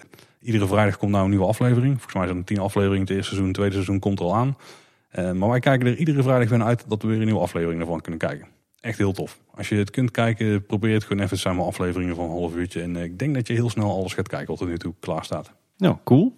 Ja, ik heb nog, eh, nog ongeveer 20 series eh, in de wachtrij staan die ik nog eens een keer moet kijken op Netflix. Dus eh, dan sluit hij bij mij wel een klein beetje achteraan, ben ik bang. Ik ook, maar alles, tussen al het zware drama en crimi eh, gedoe wat je, wat je heel veel kunt vinden. En het nieuwe, nieuwe seizoen natuurlijk van Undercover. Ja, waar we nog niet kijken, want ik wacht gewoon tot alle afleveringen er zijn. Dan is dit echt een, een verademing. Nou, ik heb de aflevering 1 van Undercover seizoen 2 ook al wel gezien hoor. En ja, Tim, heb jij nog, en dan nog dit puntjes. Ja, ik eh, moet jou eerst bedanken, Paul. Moet je mij bedanken. Ja, want jij stopte mij eh, de laatste keer dat we elkaar zagen nog een berg spullen toe. En die heb ik Oh, thuis klopt, ja. eh, bestudeerd. En eh, nou, we hebben toch weer een paar mooie aanvullingen voor de Efteling en de pretparkverzameling. Ik moet me verontschuldigen, want die lagen hier al denk ik een half jaar op jou te wachten. Het was een mooie LP zat ertussen van de Efteling uit eh, 1978. Twee oude plattegronden. Ik geloof even uit mijn hoofd 1981 en 1986. Altijd mooie, zulke oude plattegronden. En eh, zo'n beetje al eh, jullie eh, tickets en, en foldertjes en plattegronden van de, de Abu Dhabi reis. Hè? Ja, volgens mij zat er nog eens zelfs een paar van die, ja, zeg maar, noem je het, VIP-banden of zo in voor de Ja. waterpark of zo. Ja. Die zijn nog geldig, hè? die kun je gewoon nog gebruiken. Ja, maar Tim en waterparken gaat niet samen. En Tim en... en, en, en je hebt ook een achtbaan daar, hè? een hangende. Ah, ja. ik, ik denk eerlijk gezegd dat zelfs dat me niet gaat overtuigen. En Tim en Abu Dhabi gaat denk ik ook niet heel erg goed samen. Dus eh, Ja, nee, oké, in de winter dan, hè? dan is het 25 graden of zo. het is nog te warm. Oh, nee, dan gaat het hem niet worden. Eh, Wat bij ons trouwens groot nieuws was de afgelopen weken. Onze, onze jongste dochter die is naar anderhalf. Dus die begint, eh, begint de eerste woordjes te zeggen. En eh, naar papa en mama en appel en auto eh, en boom. eh, kon ze ineens eh, de afgelopen week, eh, kennen ze ineens twee hele belangrijke woordjes. Want ze begon ineens het woordje Efteling te maken en het woordje achtbaan. Wij- Achtbaan ook al. Dus eh, tot onze verbazing, want eh, we sturen haar daar echt niet op. Dat moet ze allemaal lekker zelf eh, leren en doen wat ze zelf wil. Maar zijn dus zowel Efteling als achtbaan onderdeel van de eerste tien woordjes die ze kent. Dus dat vond ik wel hilarisch. Ik denk dat bij ons bij beide ook. Ja, achtbaan niet, maar Efteling was wel een van de top 10 woorden, denk ik. Ja, van de eerste 10. Maar dat was dan etteting. Ja, bij ons is het inderdaad Etteing. Of nee, ettet was dus zelfs een tijdje geweest. Leuk is, als ze dan Etteing zegt, dan, dan is ze ook ineens heel erg blij en enthousiast. Dus ik denk dat eh, er weer een Efteling-fan in dit gezin eh, bij is gekomen. Hoe kan het ook anders? Ja, precies. Eh, Ik ben nou trouwens op een bizarre plek geweest. Achter de schermen bij Vader Morgana? Nee, was het maar zo'n feestje. Die moet, die moet wel trouwens nog even op onze, op onze wensenlijst. Ja, even kijken hoe je erin krijgt. Ja, ik eh, ben eh, voor het eerst in mijn leven naar de Valkenier geweest. Oh, is dat, is ook zo'n klein pretparkje toch? In Limburg of zo? Ja, in eh, Hartje Valkenburg. Stamt uit 1934, kwam ik erachter. Maar dit is echt met stip echt het meest verschrikkelijke pretpark wat ik, eh, wat ik ooit bezocht heb in Nederland. Oh, ooit. In, oh, in Nederland. Ja, in Nederland. Nee, het is echt nog stukken erger dan Koningin Juliana Toren. Wat op zich nog wel iets sympathieks over zich heeft. Maar de Valkenier is echt drama. Dat is echt een plak asfalt rond een vervuild meer met een hoop oude kermisattracties erop. En ja, echt, het is gewoon één grote griebus. Goed bevallen dus. Ja, eigenlijk wel. Het was wel interessant om een keer te zien. Ja, ik, ik hou echt van dat soort parkjes. Ja, een beetje corny, eh, corny lekker. Ja, precies. Heerlijk om dat een keer te zien. Zijn wel een paar hoogtepuntjes. Zo hebben ze een heuse animatronic show. Hey, Wat je er precies wat je erbij voorstelt bij zo'n parkje. ik ben getriggerd. Weet je wel, van die plusje beren van 40 jaar oud die nog een beetje op en neer schudden op een of ander fout muziekje. Oké, ja. En het, eh, en het restaurant van het park, dat is echt nog, ja, dat is echt nog een soort van, ja, echt zo'n Belgisch danscafé, weet je wel, uit, eh, uit eh, van voor de Tweede Wereldoorlog. En daar staat zelfs nog een heus dansorgel van Decap die ook nog echt draait. Dus dan is het net alsof je, ja, nee, het is denk ik eerder jaren 50, alsof je in een of andere foute tv-serie uit België in de jaren 50 terechtkomt. Dakkwaliteit met ook een tv-kwaliteit dec- decor of? Ja, Oh, oké, met, met de rood-wit geblokte gordijntjes nog, weet je wel. En de formica tafeltjes.